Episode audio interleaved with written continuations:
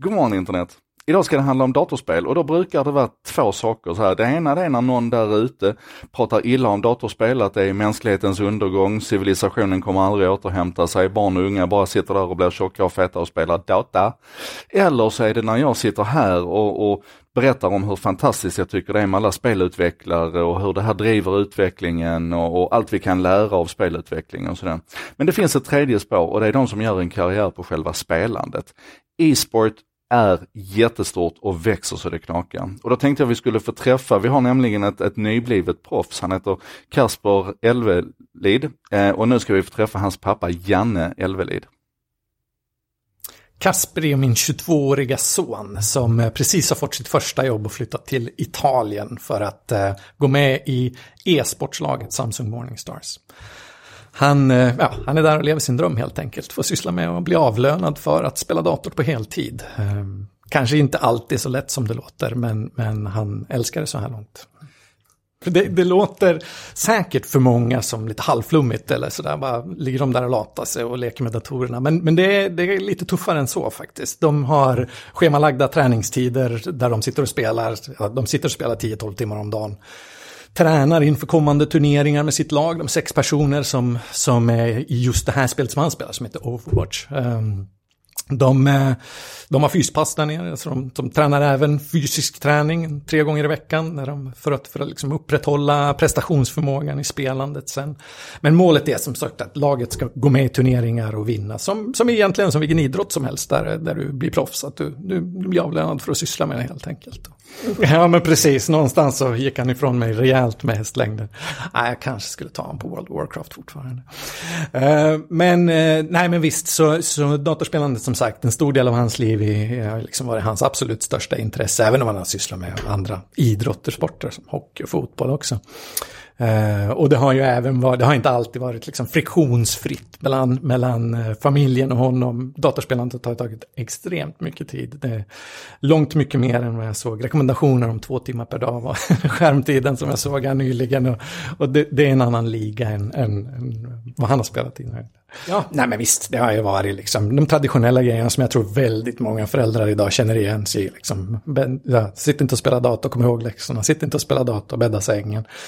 Eh, kanske för min del lite mindre utsträckning, eh, kom ihåg att umgås med kompisar också, sitt inte och spela dator, för jag har någonstans ändå sett det och liksom följt och sett de sociala elementen som ju finns i, i datorspelandet. I, kanske inte i allt datorspelande, men i väldigt mycket av datorspelandet idag. Så det är starka sociala element, liksom, och umgås med andra människor och sådär. Eh, men, men väldigt många andra saker som sagt där. Han har också eh, utstått skärmbegränsningstid. Han har fått, fått leva med, med program. Skulle du fråga honom idag skulle han säga nej, nej, de där, de där jobbade jag med runt tidigt. Det säger han ganska stolt idag att, han, att de, de där, de hade inte avsedd effekt. Jag kanske trodde det då, men, men det vet man har trott att sagt, nej, men nej, nu får du inte spela dator på hela helgen. Liksom. Så, så nu har vi haft sådana situationer också även om man försöker såklart, det är ju hans dröm där, det är ju att, att, få, leva, att få leva det här som ett proffsliv, liksom, och få jobba med det.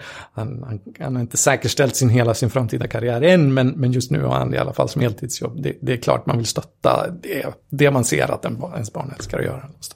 Han har ju kommit jättelångt, långt mycket längre än vad, vad väldigt många Eh, som siktar på skulle vilja ha en sån här karriär har gjort. Samtidigt så, så har han inte hela sin framtid säkrad med det här. Så, så jag tjatar fortfarande emellanåt på att du, du ska inte se till att göra klart de här gymnasiekurserna så att du liksom har en, en plan B. Vilket jag ju vet att han, han är inte speciellt brydd om en plan B. Men, men som förälder så kan man inte släppa det riktigt. Liksom. Eh, jag är rätt så övertygad om att, ja precis, vi kommer från en från Gävle, så det är ju hockeystad med, med stort H där. Jag är rätt övertygad om att Kasper har, har lagt väldigt mycket mer tid, i alla fall innan han blev proffs, som jag har sett att hans eh, eh, jämnåriga la på sina övriga idrotter. Det är klart de satsade stenhårt också och, och var på träningar och sådär. Men i, i det jag har sett Kasper de senaste åren, hur mycket tid han har lagt på träningar och övandet, så, så kommer det nog inte ens i närheten om man jämför en, en hockeysatsning eh, med den tiden. Det, det, skulle jag nog tro. Ja, det, jag tror jag är helt övertygad om att det finns en rad saker som man, som man har lärt sig av det här som jag fortfarande inte har full, full koll på. Men några saker man har sett det är ju att han var ju väldigt ung när han började kommunicera och umgås med folk från andra länder. När vi, det var när vi spelade World of Warcraft en gång i tiden. Det, var ju, det enda sättet att prata med andra var ju att prata engelska. Så engelskan var han väldigt tidigt stark i såklart. Eh, men även där i att man liksom lärde sig umgås med folk från andra kulturer och samarbeta med andra människor som har olika värderingar och sådär. Det, det, tror jag definitivt är någonting som man, som man får ut av det. Men, men jag tror också att en, man lär sig en rad grejer av det här som, som inte jag riktigt kan, kan förstå och se idag. De pratar engelska idag. Det, det, är ett hus i Italien som drivs av, av, en italiensk organisation. Så jag skickade över en länk till Duolingo och tipsade honom att börja träna lite på italienskan där nere. Vilket han stolt sa att jo, jag har använt den där nu. Så, så jag hoppas att, det kan, att han kan plocka upp lite italienska när han är på plats. Men, men absolut, det är folk från andra länder. Nu är inte alla spelare annonserade i hans lag. Men, men det kommer vara ett lag med blandade från olika nationer. Så det kommer vara engelska som är liksom huvudspråk. Och det är oftast, de lagarna spelat i tidigare som, så har det varit, ofta varit blandade lag. Så de, när de sitter och spelar kommunicerar de på engelska rakt igenom. Så det, det är första språk för dem någonstans i det. Nej men dels så är det väl liksom, jag, jag är, har full förståelse för den här ibland frustrationen över att datorspelandet tar enormt mycket tid och man känner att det finns andra saker som ibland blir lidande av, av det där.